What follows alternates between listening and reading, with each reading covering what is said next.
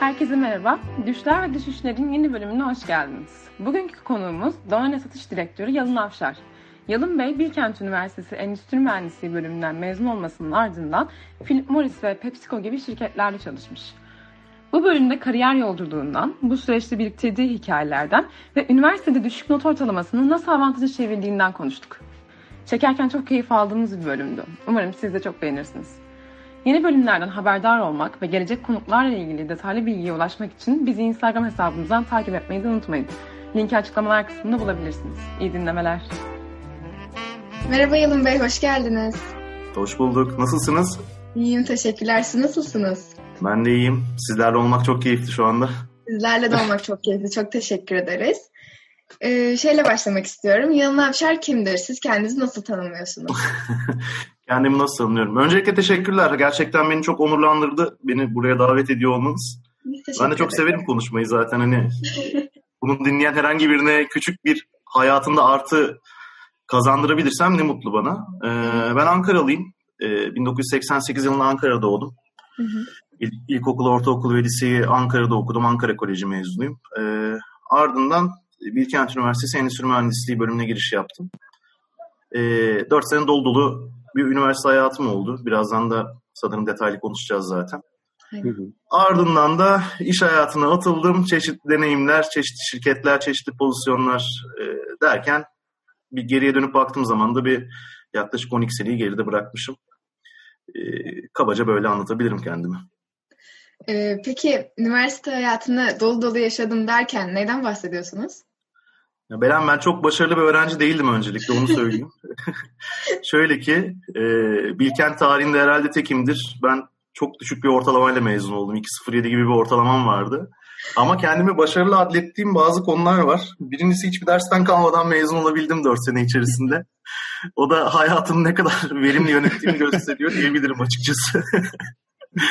Ee, çok farklı iş deneyimlerim oldu benim üniversitede okurken. Ondan sonra kulüplerle çok fazla etkileşimim oldu. Çok fazla insan tanıdım. Ve açıkçası zayıf olduğunu düşündüğüm yanları geliştirmeye çalışarak geçirdim diyebilirim. Çok fazla seyahat ettim. Ee, çok fazla insan tanıdım. Şöyle ki e, üniversite hayatımı özetleyecek olursam çok büyük bir kısmı Red Bull'la geçti. Ben Red Bull'da çalışıyordum üniversitede okurken. E, bu mükemmel bir deneyimdi. Hem satış hem pazarlamayı üniversite öğrencisiyken test edebileceğim bir ortamım vardı. Onun haricinde çeşitli kulüplerde görev aldım. İşte Endüstri Mühendisliği kulübünde de vardım ama ben asıl müzik kulübü başkanlığı yaptım. E, iki sene boyunca Bilkent Üniversitesi'nde. Onun haricinde profesyonel olarak gitar çalıyordum ben üniversitede okurken. Yani çarşamba akşamları, cuma akşamları, cumartesi akşamları programlarımız vardı. Güzel paralar da kazanıyordum. Onun haricinde küçük part-time deneyimlerim oldu. Bunları yapmadaki tek amacım ben akademik olarak başarılı bir öğrenci değilim. Yarın bir gün mezun olduktan sonra bir şirketle görüşürken anlatacak hikayelerim olsun. Bu asıl amacımdı. Ama bir yandan da o kadar zevk aldım ki bunları yaparken. Yani ya zaten insanın sevdiği şeyi yaparken para kazanması kadar güzel bir motivasyon ve mutluluk yok. Ben hep şey derim yani çalışmak güzel bir şey olsa üzerine para vermezlerdi. Ama bana para da veriyorlardı. o yüzden e, dolu dolu bir dört sene geçirdim. Aynı zamanda işte bölüm temsilcisi yaptım. Mühendislik fakültesinin temsilciliğini yaptım. Güzel bir CV'm vardı diyebilirim ya Ankara'da okuyan bir öğrenci için. Niye Ankara'da okuyan diyorum? Siz İstanbul'da olduğunuz için çok daha farklı şanslarınız var. Ee, ama Ankara'da insanlar genelde kendilerini akademik olarak daha fazla geliştirebiliyorlar. Ee, ama ben şanslı azınlıktandım diyebilirim ya. Yalın Bey peki burada e, teşekkür ederiz. E, özellikle şeyi çok merak ediyorum. Şimdi bazı arkadaşlarımız var. Biraz daha işte stajımı yapayım e, kafasına tabii ki giriyorlar ama ya okulda okulu yaparken bir taraftan çalışmak, e, kendi paranı kazanmak çok büyük motivasyon olsa da derslerle beraber götürmek çok sıkıntı. E, evet, zaten götüremedim işte belki. evet, tam söylediğiniz gibi. Bunu biz, ben size kariyer pası dinlediğimde de söylemiştiniz. Bu çalışmak için olsa para vermezlerdi diye.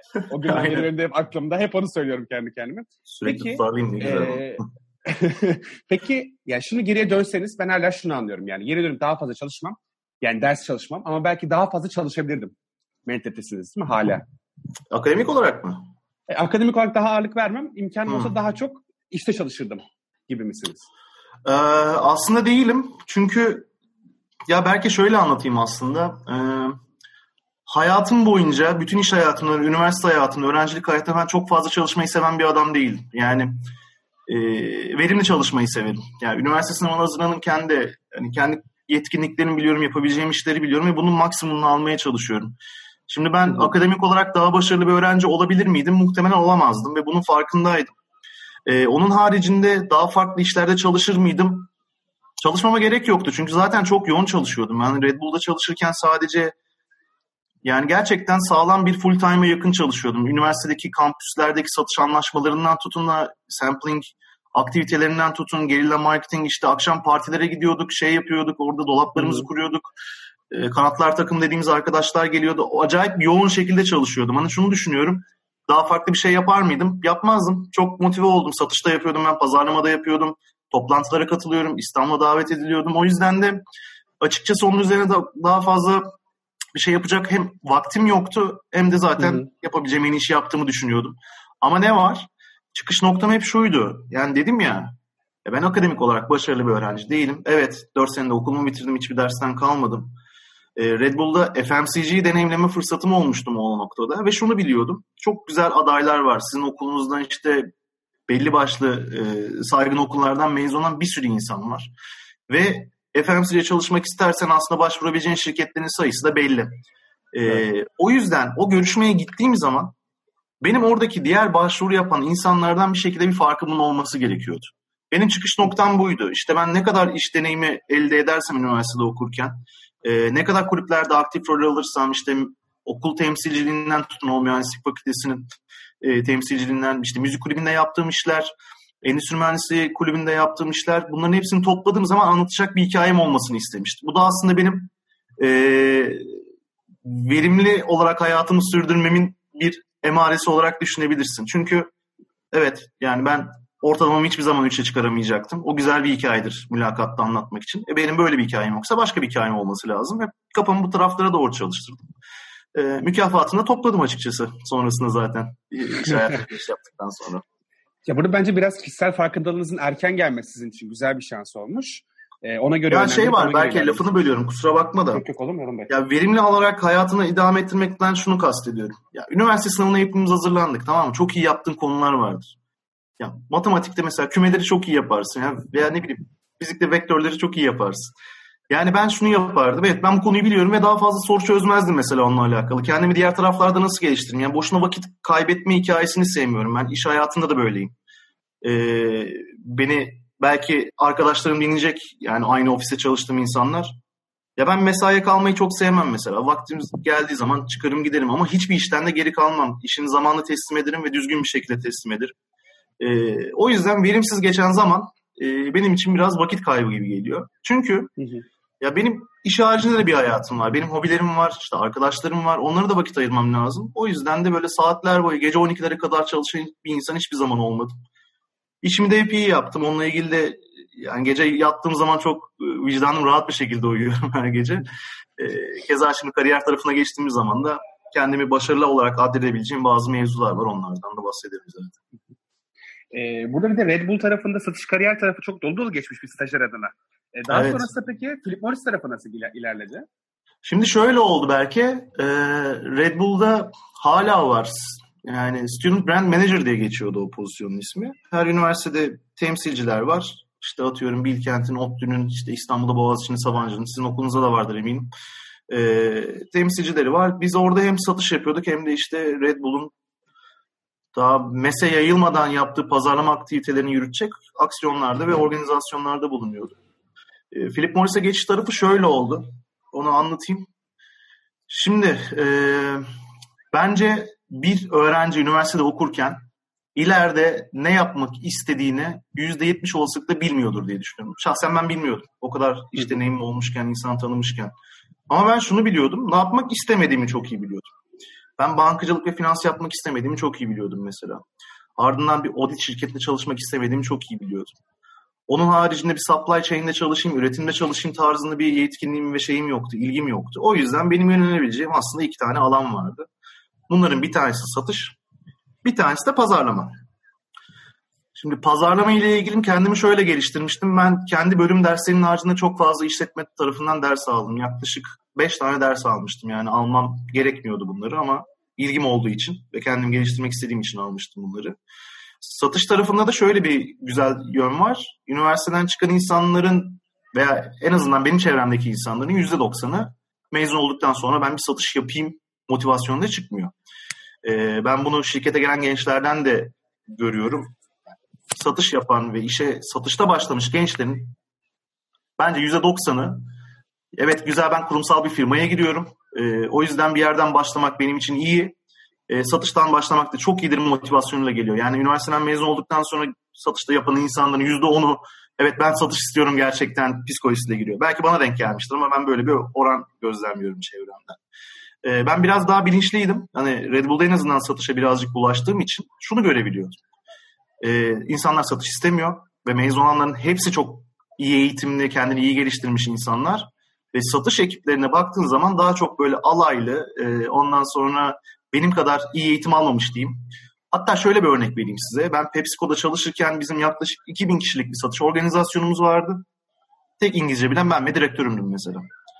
O yüzden burada güzel bir fırsat ve ekmek vardı e, benim gözlemim. O yüzden dedim ki ben satıştan kariyer yapabilirsem e, benim için yani terfi anlamında olsun daha maddi getirileri olsun veya ne bileyim iş motivasyonu daha yüksek olacaktır diye kafam birazcık karışıktı. Pazarlamaya mı gitsem, satışa mı gitsem? Pazarlama her zaman daha keyiflidir. Ee, onun haricinde. Sonra ben iş başvuruları yapmaya başladım. Bir sürü şirketle görüşüyorum. Sürekli Ankara'dan İstanbul'a gidiyorum. Bütün hayatım yolda geçti yani o en azından 6 aylık dönem. Ee, sonra Philip Morris e, muhteşem bir şirket. Yani çok güzel günler geçirdim ben orada. Sales and Marketing Trainee diye bir pozisyon. Oh dedim tam benlik ya satışı var, pazarlaması var ne güzel dedim ya ben e, buraya kabul edilirsem iki tarafta gözlemleme şansım olacak diye başvuru yaptım. Çok enteresan e, hem keyifli hem komik e, iş görüşmelerinin ardından yaklaşık kaç aşamaydı ya o zaman? Dört aşamaydı yanlış hatırlamıyorsam. E, ben Filipolis'ten teklif aldım ve kabul edildim. E, o dönem de çok stresli oldu benim için çünkü son bir dersim kalmıştı. İş teklifim var, mezun olmam gerekiyor fakat dersi geçemeyecekmişim gibi bir sıkıntı. Ders e, işte yüz döneminde açılacak, araya bir 6 ay girecek. E, çok dertli dönemler geçirmiştim. Yani çok şükür mezun oldum. Ondan sonra zaten işte bir hafta tatile gitmiştim mezun olduktan sonra. Bir hafta sonra da işe başladım. Ee, yani sonra bu şekilde cevap verebilirim herhalde. Morris'e girişim bu şekilde oldu. Ee, peki Philip Morris'te anladığım kadarıyla management trainee olarak çalıştınız değil mi? Evet. Ee, management trainee sonuçta ilerisi için bir yönetici adayı yetiştiriyor. Peki siz neden Philip Morris'te kalmadınız? Ee, güzel. Ee, şimdi politik bir cevap vermeyeceğim. Ee, işten konuşuyorum şu anda. Program şöyle bir programdı. Önce ondan biraz bahsedeyim. Biz 6 kişi işe alınmıştık trainee olarak ve biz ikinci jenerasyon trainee'lerdik. Bizden önce bir 5 kişi daha işe alınmıştı bir önceki sene. Biz ikinci jenerasyon. O günden bugüne zaten program devam ediyor. Program şöyleydi. Biz iki sene boyunca dört farklı pozisyonda çalıştık. Ben ilk pozisyonum satış temsilciliğiydi. Ben her sabah depoya gidip kamyonumu alıp bakkalları sigara dağıtıyordum. TSR mıydınız Yalın Bey? Ee, DDR'dım ben. DDR, DDR diye geçiyordu o zaman. Hı hı. Ee, çok enteresan ve keyifli bir işti. Şöyle ki biraz talihsiz Ankara'yı biliyorsunuzdur belki. Bana Arjantin Caddesi ve Tunalı İlmi bölgesini vermişlerdi ilk başta. yani İstanbul'un ne diyeyim Bağdat Caddesi gibi düşünebilirsiniz orayı. Hı hı. Ee, ben sigara dağıtırken Starbucks'tan arkadaşlarım el sallıyordu bana ne yapıyorsun diye. Ben güneşin altında abi ne yapayım ekmek parası işte çalışıyoruz tarzında. Güzel bir dönem geçirdim. Ee, ardından özel kanallar tarafına geçtim. Bu Horeka dediğimiz gece kulübü barlar o tarzda eskiden pazarlama aktiviteleri yapılabiliyordu bir miktar. Hı hı. O işi de yaptıktan sonra ben İstanbul'a geldim. İstanbul'da 6 ay ticaret pazarlamada çalıştıktan sonra sahaya çıktım ve sahada merchandiser olarak çalışmaya başladım. O dönemde gazetelerde bir haber çıktı. Haber şuydu, askerlik dönemi uzuyor. Acayip bir stres aldı. Şimdi ben askere şimdi gitmek istemiyordum desem yanlış anlaşılabilir ama gerçekten gitmek istemiyordum o dönemde. Dedim ki ben bunu aradan çıkartayım. Ondan sonra kariyerime önüme bakarım. Bir de şöyle bir şey oldu arkadaşlar. Ben 88 doğumluyum. 2009 mezunuyum. Mayıs ayında ben mezun olduğum zaman daha 20 yaşındaydım. Çok hızlı gelişti her şey. Ben bir de hızlı hızlı yapayım seviyorum bu tarz işleri. O yüzden böyle bir risk varken de dedim ki askere gideyim. Bu bir aradan çıksın. O zaman bedelli gibi bir şansımız da yoktu tabii. Ben şirketime ilettim. Dedim ki ben programımı bitirdim zaten. iki sene oldu. Şimdi askere gitmek istiyorum. Döndüğüm zaman devam ederiz. Sağ olsunlar. Ee, tamam git dediler. Sonra askere gittikten sonra orada beş buçuk ay boyunca benim biraz düşünmek için zamanım oldu. Ben ne yapıyorum? Evet çok iyi bir şirketteyim. Çok güzel paralar kazanıyorum. Ben Philip Morris'e girdikten sonra iki ay içerisinde dört kilo almıştım mesela. Çünkü harcayabilecek param var cebimde arkadaşlar. Gidiyorum restoranda yemek yiyorum ya mükemmel bir şeydi yani o zaman.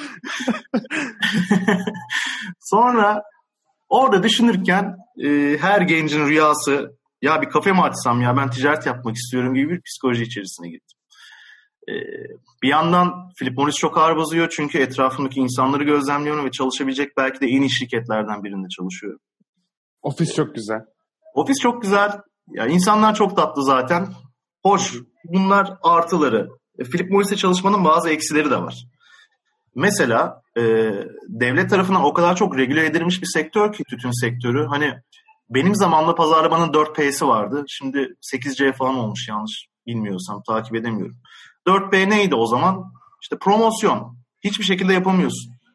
Hı hı. Price şeyi belli. Fiyatı belli ya sattığın ürünün. Vergisi yani zaten belli. devlet, evet. Vergisi belli. Ondan sonra işte place her yerde satıyorsun zaten. Yani sigara satmayan bir müessesenin, bir bakkalın veya bir tekinin ayakta kalma şansı yok zaten. En sonuncusu da paket tasarımı. Paketinde yani %70'i zaten o zaman resim vardı. Şimdi hiçbir şey yok. Artık hiç yok. Yani evet. pazarlama namına yapabileceğin şeyler çok sınırlı. Evet ürün çıkartıyorsun, işte tüketici içgörülerini okuyorsun, ne ihtiyaçları var ama e, benim kafamdaki pazarlamadan birazcık açıkçası uzaktı. Bu pazarlama tarafı. Hani demiştim ya ilk başta sales and marketing train'i. Bu marketing kısmı. Sales tarafına bakıyorsun. Sigara satmak kolay arkadaşlar. Belki Philip Morris'ten de bazıları beni dinliyor olabilir. Pot kuruyor da olabilirim ama sigara satmak zor bir iş değil. Şöyle zor bir iş değil. Yani senin %60 civarı pazar payı vardı o zaman ben çalışırken ve bakkal cirosuna baktığın zaman %70 tütün üzerinden dönüyor. Sen en güçlü oyuncusun. Ya bu bakkal bunu bir şekilde alacak. Senden almazsa gidip başka bir yerden bulacak zaten. O yüzden daha çok satıştan ziyade dağıtım üzerine kurulu bir sistemdi. Ee, ve şunu gözlemledim. Hani hoş bir insan Philip Morris'ten ayrılmak niye ister? Benim gibi bir manyaklığı yoksa kafasında o zaman. Ee, çalışan insanlar mutsuz oldukları noktada Philip Morris'ten ayrılıp bu satış ve pazarlama tarafında daha rahat başka şirketlere geçemediğini gözlemledim. O zamanki abilerimden. Bunların hepsini üst üste koyduğum zaman evet ben kendimi bir maceraya atılmak istiyorum, ticaret yapmak istiyorum. Bir yandan ben burada evet öğreneceğimi öğrendim, güzel bir şirketteyim. Diğer taraftan Philip Morris'e çok mutluyum, çok iyi bir şirketteyim. Bunları yan yana koyduğun zaman evet ayrılma kararı o zaman bana mantıklı gelmişti. Her zaman sorgularım bu kararı zaten. Sonra üzerinden 10 sene geçti. Hani doğru bir karar mı verdim o zaman yoksa yanlış bir karar mıydı? Evet işlerim iyi giderken iyi ki ayrılmışım diyorum. Bazen mutsuz oluyorum diyorum ki keşke ayrılmasaydım daha farklı bir hayatım olacaktı. Ama toplayıp baktığın zaman o zaman öyle bir karar verdim ve ben Ankara'ya geri döndüm. Philip Morris'ten ayrıldıktan sonra. Ee, ne oldu? İşte o kafeyi açamadım hiçbir zaman. ee, sonra İstanbul'a geri döndüm. Tekrar bir iş arayış sürecine girdim. Ondan sonra zaten benim PepsiCo hayatım başladı. Philip Morris maceram bu şekilde sonlandı. Biraz üzücü geldi ama e, Yalın Bey peki şeyi çok merak ediyorum. Şimdi Red Bull pazarında açık ara lider. E, Philip evet. Morris pazarında baskın bir şekilde açık ara lider. Şimdi PepsiCo Hı-hı. tarafına geçtiğinizde satış tarafında aslında PepsiCo globalde birçok şey yani daha çok ülkede sanıyorum lider olmasına rağmen ülkede ikinci yani runner-up şeklinde. Ee, evet. Satış dinamiği nasıl değişiyor burada? Yani ne farklılıkla gözlemlediniz? Veya işte e, bir liderden gelip de o tarafa gelmekle daha fazla hareket alanı mı oluyor? Daha mı iyi, daha mı kötü? Onu merak ediyorum. Şimdi şöyle, e, bu soruna cevap vereceğim ama öncesinde biraz PepsiCo'yu kabaca anlatayım ki daha rahat cevap verebileyim bu soruya. Hı-hı. PepsiCo Türkiye'de iki tane farklı şirketin bileşimi. Frito-Lay ve Pepsi olarak. Şimdi Frito-Lay tarafına baktığınız zaman %85'ten daha fazla pazar payı olan e, Macro Snacks pazarında faaliyet gösteren, içinde bir sürü markası olan bir yiyecek şirketi. Markalar işte Lay's, Ruffles, Doritos, Çereza, Cheetos. Onun haricinde Rocco şekerlerini e, dağıtan ve Seven Days kruvasanları dağıtan muazzam büyük ve süper köklü bir şirket. E, ben Frito-Lay'de işe başladım. Diğer tarafa baktığınız zaman da Pepsi, evet dediğin gibi globalde dünyanın en büyük ikisi, ikinci veya üçüncü FMCG şirketidir PepsiCo. E, ama Türkiye'ye pazar payına baktığınız zaman Coca-Cola'nın bayağı gerisinde ki yavaş yavaş biraz pazar payı kazanmaya başladılar son bir sene içerisinde özellikle. Ama orada tarafta da Lipton gibi güçlü bir markam var. Ice Tea pazarının lideri. PepsiCo şöyle güzel bir şirket. Birincisi ben Philip Morris'ten çıktıktan sonra televizyonda benim sattığım bir ürünün reklamını görmek beni acayip mutlu etmişti. Oh dedim ya pazarlama yapılan bir şirkette değilsin bunlar. İkincisi PepsiCo'nun şöyle bir güzelliği var. Bir tarafta %85'ten fazla pazar payı olan muazzam bir markanın ekibin bir parçasısın ve bunun getirdiği acayip bir şey var, e, öğreti var. Diğer tarafta da globalde çok güçlü ama Türkiye'de ikinci en büyük gaz içecek firmasının bir parçasısın ve yani lider olmak için ne yapman gerekiyor veya senin pazarındaki lider neler yapıyor bunları gözlemleyip ona karşı aksiyon geliştirebileceğin muazzam bir okul PepsiCo. Önce onu söyleyeyim. ve şöyle çok güzel bir şirkettir PepsiCo. Ee, yani ben 5 farklı pozisyonda çalıştım. Yaklaşık 8 senem geçti benim PepsiCo'da ve 8 sene içerisinde 5 farklı pozisyona bana kritik deneyim yapma olanakları sağladı ve kendimi acayip geliştirdiğimi düşünüyorum o tarafta. Ee, evet, Philip Morris'ten sonra çok daha hızlı, daha dinamik ve daha hızlı karar alan bir şirket. Ee, Frito-Lay tarafı. Pepsi daha böyle adımların temkinli atan, yani kaş yapayım derken göz çıkarmak istemeyen bir mekanizma. O yüzden çok karmaşık. Ben PepsiCo'ya başladığım zaman biz hala iki ayrı şirkettik. PepsiCo değildik. Ben Frito-Lay'de işe hmm. girdim aslında. Sonra bir birleşme süreci oldu. Biz aynı binaya taşındık Pepsi ekibiyle beraber. Gelenler gidenler acayip kaos bir dönem geçirdik ama PepsiCo'nun gerçekten o dönemi çok iyi idare ettiğini düşünüyorum geriye dönüp baktığım zaman. O yüzden benim PepsiCo dönemim öğrenme dönemim oldu. Evet Philip Morris'te bir adım atmıştım. PepsiCo'da üzerine bayağı koydum. Ve şu anda yaklaşık 7 aydır başka bir şirketteyim. Bunun da inanılmaz farklı dinamikleri var. Kendimi geliştire geliştire devam ettiğimi düşünüyorum açıkçası. Burada dinleyicilerimiz şeyi belki bilmezler. Philip Morris tarafında zaten reklam olmadığı gibi tekere Hı-hı. gittik de ya birini sigara alırken gördüğünüzde sigarayı kendiniz için mi alıyorsunuz sorusunu sormamız gerekiyordu. Ee, tabii, yani tabii. adam eğer orada hayır derse o adama da üre, yani sigara anlatamıyorsun. Başka ya belki ne hikayeler vardı ben. İki tane komik şeyim var benim. Ee, Philip Morris hikayem var anlatayım onu. Rahat konuşuyorum. Bilmiyorum bu kadar large olmam gerekiyor ama onu da farkındayım.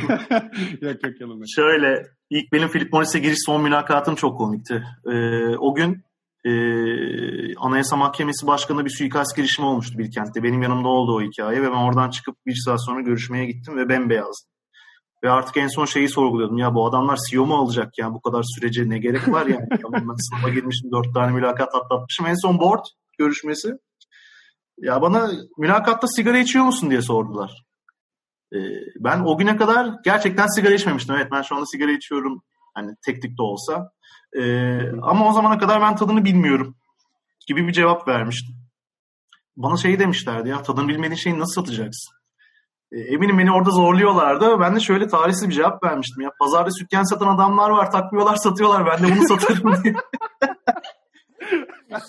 Böyle talihsiz bir hikayem olmuştu. Sonra işte işe aldılar beni. Demek ki beğenmişler cevabımı. İkincisi senin söylediğin soru. Yani o kadar regüle bir sektör ki orada satış destek temsilcileri diye bir ekip vardır. Bazı sigara içen arkadaşlarım bilir. Tekele gidip sigara aldıkları zaman atıyorum Philip Morris olmayan bir ürün aldıkları zaman orada Philip Morris'in bir temsilcisi varsa işte sigarayı kendiniz için mi alıyorsunuz diye sorduktan sonra e, Philip Morris sigaralarıyla ilgili bilgi verir. SSC diye mi geçiyordu gördüm. bunlar Yalın Bey? Efendim? SSC diye mi geçiyordu bunlarda? Yanlış hatırlamıyorsam öyle geçiyordu evet. tamam. Sales Support Employee miydi? Öyle bir şeydi galiba. Evet evet. Tamam. Ya ben şunu gördüm ya. Noktadayım ben ürün yazıyorum işte e, satış destek temsilcisi de var orada. Bir tane müşteri geldi. Temsilci sor dedi sigaranızı kendiniz için mi alıyorsun? Yok köpeğim için alıyorum diye cevap verenler var. yani gerçekten çok zor yani sen o şartlar altında pazarlama yapmaya çalışırken bir anda televizyonda kendi tatlı ürünün reklamını görünce bambaşka bir boyuta atlamış oldu. Çok insanı motive ediyor, keyifli. Organizasyon yapıyoruz, kendi ismimizi kullanabiliyoruz organizasyonlarda. İşte konsere gidiyorsun Doritos'un logosunu görüyorsun bence muhteşem bir şey veya sana bilet geliyor şirketten Doritos sponsorunda Madonna konserine gitmiştim ben mesela işe girer girmez acayip keyifliydi o dönem şekilde anlatabilirim. Peki, Peki şimdi e, heh, sen sor ben Pardon, sor, sor, yok yok. tamam. ben iyice Yalın Bey'i bulmuşken darladım. yok olsun. Sorun yok. Ee, öncesinde şey sormak istiyorum. Danon mu demeliyim, Danone mi? Aa, biri bana nerede çalışıyorsun diye sorduğu zaman Danone diyorum. Evet. Ama şirket içerisinde biz kendimiz Danon diyoruz. Danon diyeyim o zaman şu an. Danon. Peki PepsiCo'dan Danone'a geçişiniz nasıl oldu? Şimdi ben PepsiCo'yu da şöyle anlatayım. Ben ne işler yaptım PepsiCo'da ondan biraz bahsedeyim. Tamam. Ben e, satış neydi o zaman görevimin ismi? Satış verimlilik uzmanı olarak Fritola'ya giriş yaptım. Bu muhteşem bir pozisyondu. Niye muhteşemdi? Birincisi iki sene iş deneyimi arıyorlardı ve endüstri mühendisi arıyorlardı. İki sene iş deneyimim vardı ve endüstri mühendisiydim. O yüzden başvurdum. ee, şöyle güzeldi. Ya endüstri mühendisi anlattım ya biraz önce. Dedim akademik olarak başarılı bir öğrenci değildim. Ama ben çoğu konuyu iyi bir şekilde içselleştirerek mezun olduğumu düşünüyorum. Ve endüstri mühendisliği yapmak gerçekten bir noktada hayalimdi. Çünkü verimlilik ya ben dedim ya çalışmayı sevmiyorum arkadaşlar yani. Verimli olmak lazım. Ve bana verimlilik projesi yaptırdılar 3 sene boyunca. Yani ben elime kronometre alıp sahaya çıkıp time and motion'da yaptım, optimizasyonda yaptım, depodaki bir verimlilik işte layout planları falan. Yani bildiğiniz FMC'ci endüstri mühendisliği yaptım ben. Acayip keyifliydi. Hem merkez ofisteyim hem saha ekibiyle beraberim. Bir proje yapıyorsun ve satış artışı getirdiğini görüyorsun. Ya yani bu beni tatmin eden şey. Kalkıp da Excel'de işte onu yaptım, bunu yaptım, o raporunu attım falan değil ya arkadaşlar. Yaptığım projenin satışa etkisi var. Tamam Bu muhteşem bir motivasyondu benim için. Üç sene bu işi yaptım ben. Değişik projeler yaptım. Ondan sonra dedim ki benim artık bir ekip yönetimi tecrübesi almam lazım ve ben sahaya çıkmak istiyorum. o zamanki satış direktörümüzle konuştum. Ve konuşmamdan iki gün sonra evet yalın seni sahada bekliyorlar git işte Mehmet müdürünle görüş o depoda. Yani iki gün içerisinde pozisyonum değişti ve ben satış şefi olarak işe başladım. Ve Frito-Lay tarihin o zamanki en genç satış şefi olarak işe başlamış oldum ben. Kaç yaşındaydınız? kaç yaşındaydım? 2013, 25 yaşındaydım. 25 yaşındaydım o zaman. Ee, benim ilk başta bir 10 kişilik ekibim vardı. Sonra 20 kişilik bir ekibim oldu. İşte İstanbul Kartal bölgesinde geleneksel kanalda satış şefi olarak çalıştım.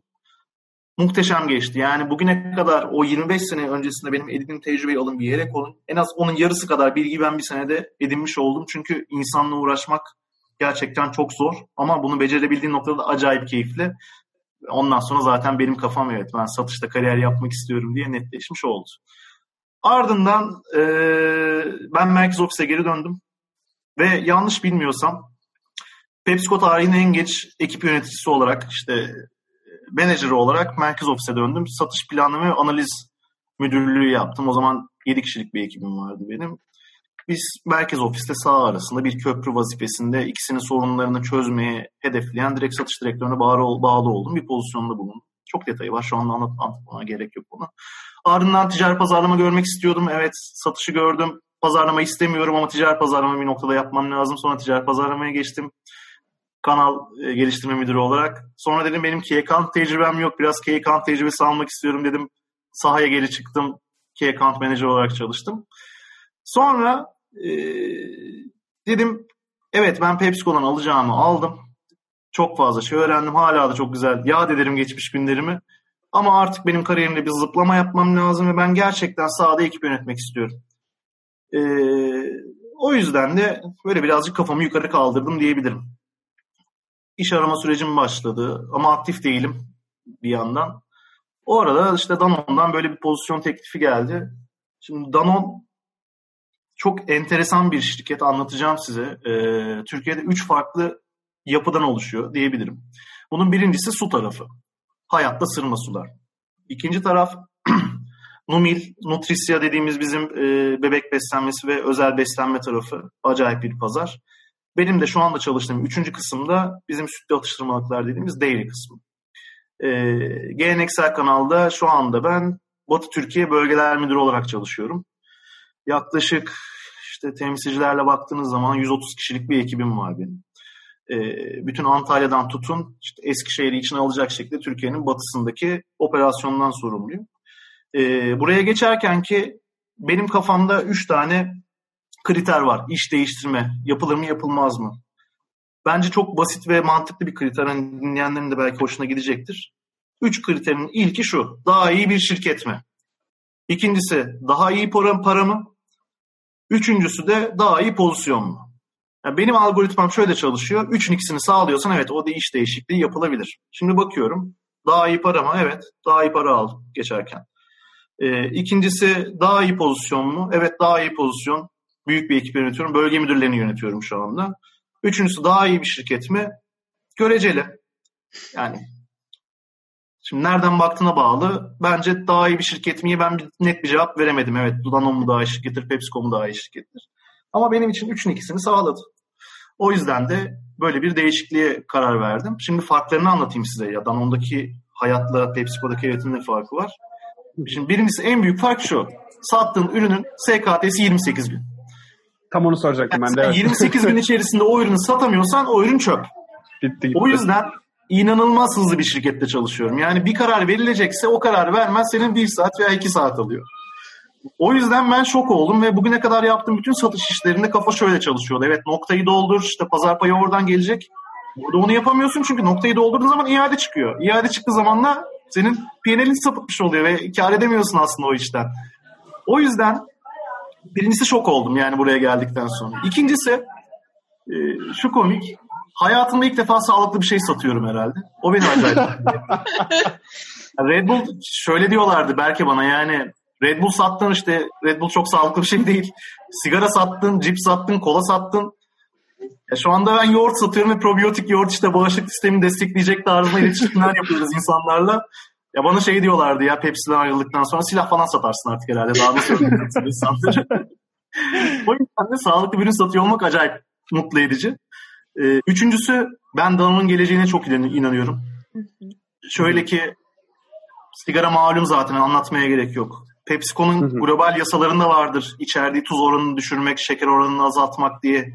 Çünkü insanlarda bir trend var yani daha sağlıklı ürünler tüketmeye çalışıyorlar. Ee, Danone'a baktığın zaman e, sağlığın dibindesin şu anda. Yani insanlara gerçekten okullarda satılabilecek ürünler satıyoruz biz. MEP mevzuatında, Milli Eğitim Bakanlığı mevzuatında benim kantinlerde satabildiğim ürünler var.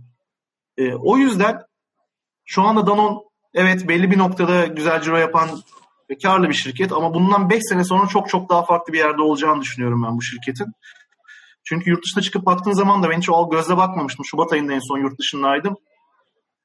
Ya bir İtalya'da şeye girdim, markete girdim. Türkiye'deki stoğun en az size söyleyeyim 30 katı kadar aktive stoğu vardı mesela noktada. Ve yüz binlerce çeşit var. Ee, insan mutlu oluyor. Evet bunlar da yarın bir gün Türkiye'ye gelecek ve ben bunu satacağım. Burada benim için gelişme fırsatı var e, psikolojisinde. E, iş çok zor bu arada. Yani şöyle bir hikaye anlatayım size. Bu, bu da komik hikayedir. Hani ben Philip Morris'teyken çok güçlüsün noktaya girdiğin zaman tamam mı? Çünkü pazar payı belli bir noktanın üzerinde ve satış yapman daha ziyade kolay. Ve o zaman biz bakkalların işte kendi sigara standlarımızı kullanması için belli meblalarda para ödüyorduk potansiyel noktalara. Bir de müşteri geldiği zaman senin ürününü bulamazsa gidip başka bakkaldan alıyor. Israrcı oluyor üründe. O da var. Bir de şey var belki yani yapabileceğin tek rep- reklam mecrası bunu diyebilirim. Orada noktaya giren tüketicinin gözüne kendi ürünlerini sokabileceğin bakkalın arkasında duran sigara standı. O yüzden oraya yatırım yapıyordu şirket. Ve güzel paralardı gerçekten. O yüzden de ben bu güçle noktaya girerken işte bakkal geliyor şakalaşıyoruz diyor bana işte ne vereceksin standa. Ben ona diyordum ki işte en çok parayı benden kazanıyorsun sen bana ne vereceksin tarzında böyle küçük muhabbetler oluyordu. ben oradan çıktıktan sonra Fritole'ye girdim. Ee, ve beni oryantasyon için Eskişehir'e yolladılar. Ben tabii sadece Philip Morris'i gördüğüm için ilk noktaya girdik biz bakkala. Bakkal dedi ki ya en çok sizin cipsinizi satıyorum ne vereceksiniz? Ben de dedim ki işte bak en çok karı benden kazanıyorsun sen bana ver, ne vereceksin diye tarihsiz bir soru sordum. Ve aldığım tepki sen kimsin lan çık dükkanımdan tarzında çok daha yumuşatarak söylüyorum şu anda başıma gelen şeyi. Beni tabiri caizse dükkandan kovmuşlardı. Şimdi Philip Morris'in bir gücü var. Ee, ben bunu orada ilk anda tecrübe etmiş oldum. Fritolay'ın inanılmaz bir gücü var. Şimdi Danone'da noktaya gittiğin zaman bambaşka bir muameleyle karşılaşıyorsun ve satışın dibini yapıyoruz şu anda arkadaşlar. Yani e, İstanbul'dan örnek vereceğim. Ben geldiğim zaman 7 ay önce 11 bin noktaya fatura kesiliyordu İstanbul'da. Şu anda 14 bin noktaya kadar getirdik ama hala gidebileceğim 12 bin nokta var benim ürünümü satmaya. O yüzden acayip derya deniz ve fırsatları açık bir şey. Ve ürünü satmak gerçekten zor. Yani sattığın ürünlere baktığın zaman işte Danette muhallebi, aktive yoğurt, işte Danino, çocuklara yönelik ürünler. Çok keyifli de ürünler böyle. Ee, o yüzden şu anda gerçekten satışı yap, yaptığımı hissettiğim bir şirkette çalışıyorum. Keyfim de yerinde. Bu şekilde söyleyebilirim ya. Peki Hanım Bey şimdi dönüp baksanız bütün bu kariyerinizi yaptınız, şirketleri daha evet. iyi tanıdınız. Ya bir şirketi tam içine girip deneyimlemeden insan çok fazla tanıyamıyor aslında ama Aynen e, dönüp e, Bilkent'e döndüğünüz zaman yani e, ya da bizim için mesela şöyle, şunu yapardım dediğiniz bir tavsiyeniz var mı? Ya da şunu yapın kesinlikle dediğiniz e, bir tavsiyeniz var mı dinleyenler? Şimdi belki şöyle gruplayayım mı ben sana? Kendimden iyi ki yaptım. Keşke biraz daha eğilseymişim ve ya bunu mutlaka yapmam gerekiyor dediğim bazı şeyler var, işler var. Onlardan bahsedeyim. Hı hı, Şimdi üniversite mezunu olacak arkadaşım için şöyle tavsiyem var. Ben iyi ki yaptım dedim. Benim dört tane iş var. Birincisi ben çok seyahat ettim. Üniversitede okurken Esteem diye bir kulüp vardı. Hala var mı bilmiyorum. Bu Avrupa Endüstri e, Mühendisleri Öğrencileri Topluluğu diye bir var, e, kulüp. Hani okulunuzda yoksa mutlaka şey yapın. Bu arada iletişime geçin onlarla. Ben üniversitede okurken 9 farklı ülke gördüm. Ve çok fazla insan tanıdım. Bu iyi ki yaptım dediğim iş. İkinci iyi ki yaptım dediğim iş part time iş. Ben çalıştım arkadaşlar. Yani boş zamanda ben çalışıyordum. İyi ki yaptım dediğim iş. Üçüncüsü şunu iyi yaptım diyebiliyorum. Ben kendi yetkinliklerimi yapabileceğimi, yapamayacağım şeyleri çok iyi biliyorum. E, yapamayacağım şeyleri de çok iyi biliyorum. Bakın yapabileceğim değil, yapamayacağım işleri de çok iyi biliyorum. Hiçbir zaman masanın başında ben mesai kalamayacağım. O yapıda bir insan değilim çünkü. Ama neyi yapabilirim? Ben satış yapabiliyorum. Kendi yetkinliklerimi iyi biliyordum. E, ve dördüncüsü müzakere teknikleri diye bir ders almıştım üniversitede. Yani benim hayatımı değiştiren ders oldu herhalde. E, bunu tavsiye ediyorum. Yani müfredatınızda böyle bir ders varsa Negotiation Skills diye geçiyordu Bilkent'te. Bunu alın. Acayip ekmeğini yiyorum hala. Aradan kaç sene geçmiş. Bu iyi ki yaptım dediğim şeyler. Keşke birazcık daha eğilseydim dediğim işler. Ee, Erasmus yapamadım. Çok isterdim yapmak. Ee, şey olmuştu. Yani not ortalamam sebebiyle beni göndermemişti. Okul hala kızgındır yani beni. yani sonuçta akademik bir amaçla gitmiyordum ben. E, o olmamıştı. Yapabiliyorsanız yapın. Interrail yapamadım. Evet çok dolaştım Avrupa'yı ama bir yaz tatilinde şöyle çıkıp böyle bir iki ay bir dolaşmak isterdim Avrupa'yı az parayla.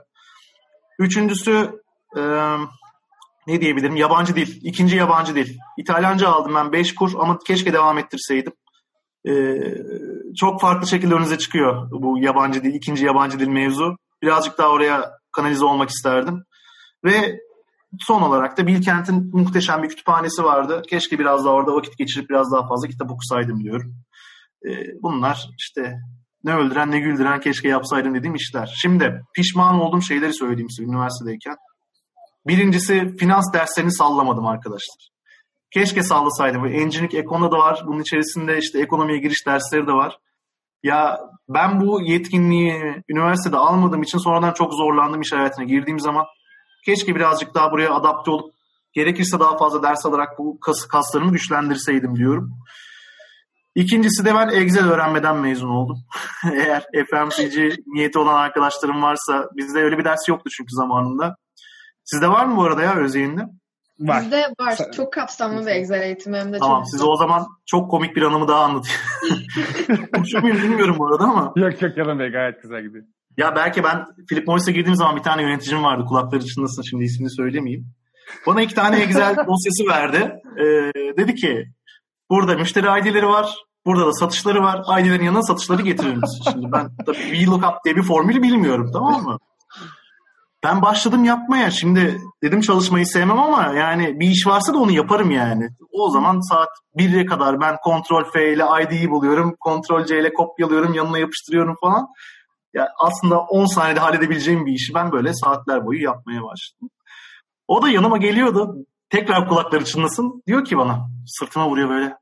Yalın aferin çok güzel gidiyorsun. Çok hızlı yapıyorsun.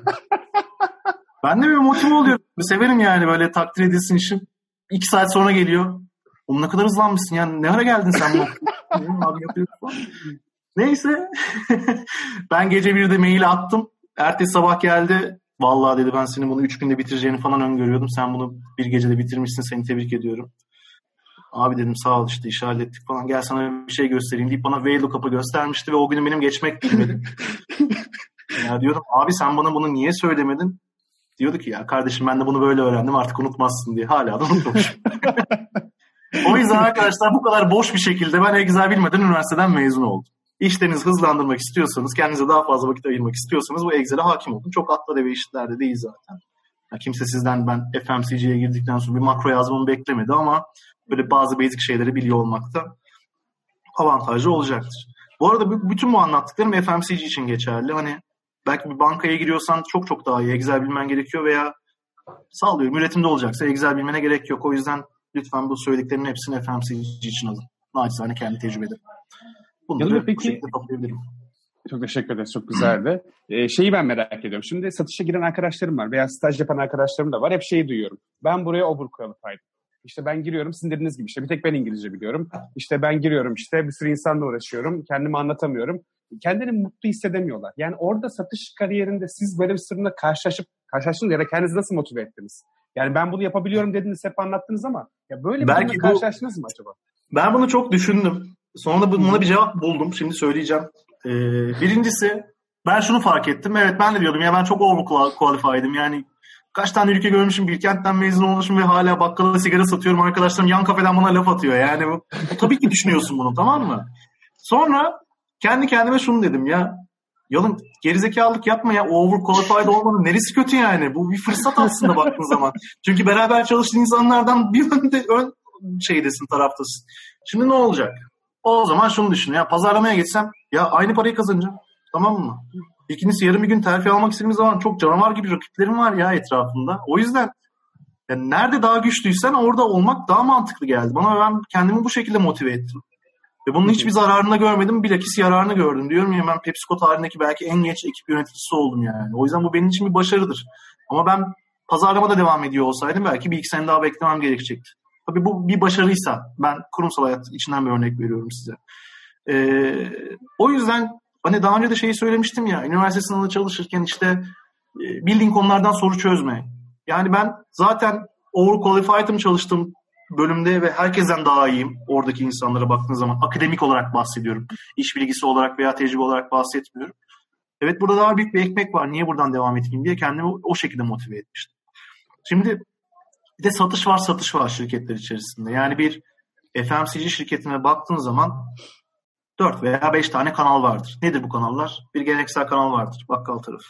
Bakkal, market, işte orta, orta market, tekel, kuru.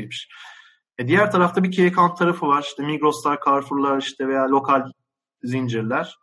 E bir discounter tarafı var zaten hayatımızın bayağı bir süredir gerçeği işte e, BİM'ler, A101'ler, şoklar. E diğer tarafa bakıyorsun bir food service veya Horeca diye geçen yerinde tüketim kanalı var. bir de bazı şirketlerde export oluyor yurt dışına bakıyorlar falan. E, ben bir de bunun geleneksel kanalını tercih ettim. E, geleneksel kanal full alaylı diye tabir edilen genelde insanların işin eğitimine zoru, evet. Evet, almadıkları ve daha külfetli hani ben Covid döneminde 4 ay boyunca sahadaydım yani canımızı dişimize takıp çalışıyoruz yani büyük riskler alarak da çalışıyoruz ama ya bu taraf beni inanılmaz motive ediyor. Çünkü yaptığın değişikliğin çok büyük sonuçlarını çok hızlı bir şekilde görebiliyorsun ama atıyorum bir Migros yönetiyor olsaydım evet sene başında bazı anlaşmaları ve kriterleri koyacaksın ve bunun gerçekleşmesini bekleyeceksin. Ee, tabii ki bazı insanlar için daha büyük bir account yönetmek daha motive edicidir. Ee, ama ben geleneksel kanalı tercih ettim çünkü burada en hızlı şekilde başarıya ulaşacağım ve işte kurumsal hayatta başarı kriterleri nedir, aldığım terfi midir, kazandığım para mıdır?